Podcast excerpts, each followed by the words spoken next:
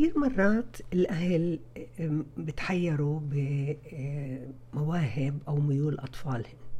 عندي هون مثلا أم عندها ولد عمره تسع سنين بتقول كل فترة عنده ميل شكل. مرة في فترة معينة بميل للطبخ ويعمل هيك وصفات طبخ. مرة بنجر وبركض ورا الكرة وبحب كرة القدم. كل مرة عنده ميول ومش قادرة أكتشف وين هو وشو موهبته. هل في اختبارات أو أسئلة في الجوجل تكشف لنا ميول أطفالنا؟ أنا أنا بحب إذا بتسأليني أنا إيش آه، آه، أنا بفضل أنا بفضلش ولا أي أسئلة اللي بتخص ميول ومواهب أطفالنا وأعتمد عليها وأشتغل زي الروبوت. أنا مش آلي.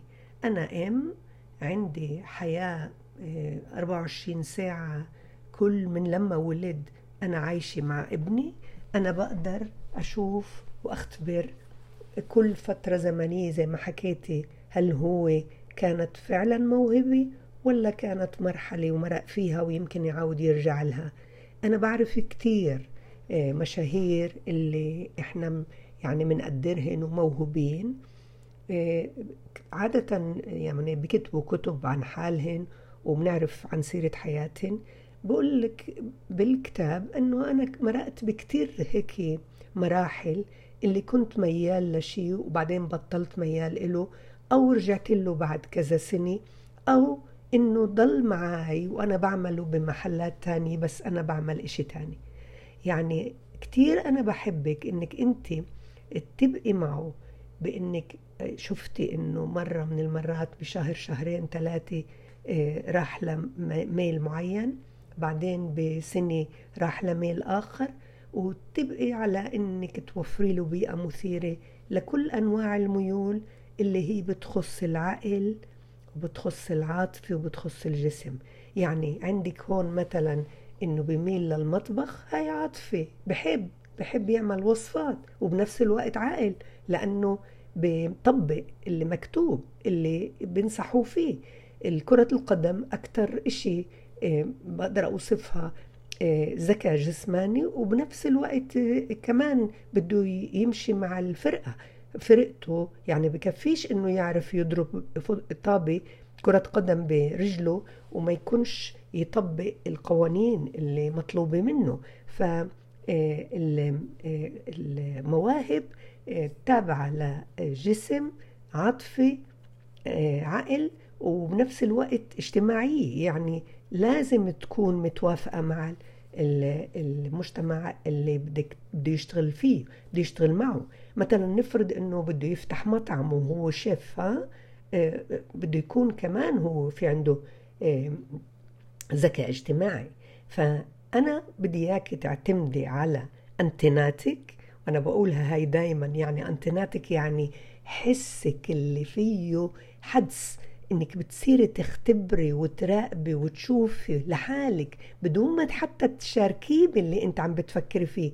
بس بنفس الوقت إذا أتقن تمدحي وتشجعي وتحكي. وكتير بحب أفزع الدنيا بقصدها بشكل هالقد مبالغ فيه. بس لما تيجي التيتا أحكي لها عنه إنه اليوم عملنا الوصفة هاي وزبطها تعالي دوق يا تيتا. أحكي لسيدو أحكي للبابا البابا يحكي لأبوه هاي هي اللي أفزع الدنيا. حتى إنه يحس إنه إحنا شايفين إحنا مراقبين إحنا منتبهين إحنا مشرفين. مش إحنا مننتقد مش منوبخ ومش منعطي تنبيهات. لا إحنا عم منحب وعم نصقل وعم نوفر بيئة مثيرة لإله. حتى إنه إذا أتقنها نمدحه إذا ما لفتت نظره وأهملها برضه بنمدحه بالإشي جديد. وبهالطريقة هاي إحنا بنوفر بيئة مثيرة عاطفية جسمانية فكرية وكمان اجتماعية اللي آه، ما من من نعطي للبيئة العقلية أكثر من البيئة العاطفية ولا بنعطي للعاطفية أكثر من آه، الجسمانية. آه، أغلبنا أغلب الأهالي التقليديين بدهن العقلية بدهن الإنجازات بدهن التحصيل العلمي أنا مش مع هاد.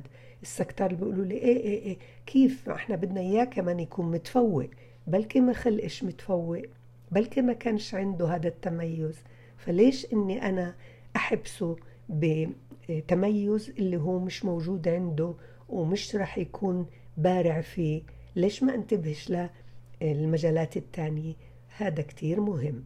والرياضة بالذات أنا بدي أركز عليها. الرياضة بتعمل لي تنفيس. يعني إذا بروح أنا على نادي بركض الطفل اللي هون تحكي عنه الأم تسع سنين. بركض بعمل حركات بعمل أي أي أنشطة حركية بتساعدني على أني أنفس إذا في عندي أي ضغوط من ناحية التقييدات من ناحية التعليمات من ناحية التنظيم حتى. هذا بيريحني لما أنا بعمل تنفيس جسماني.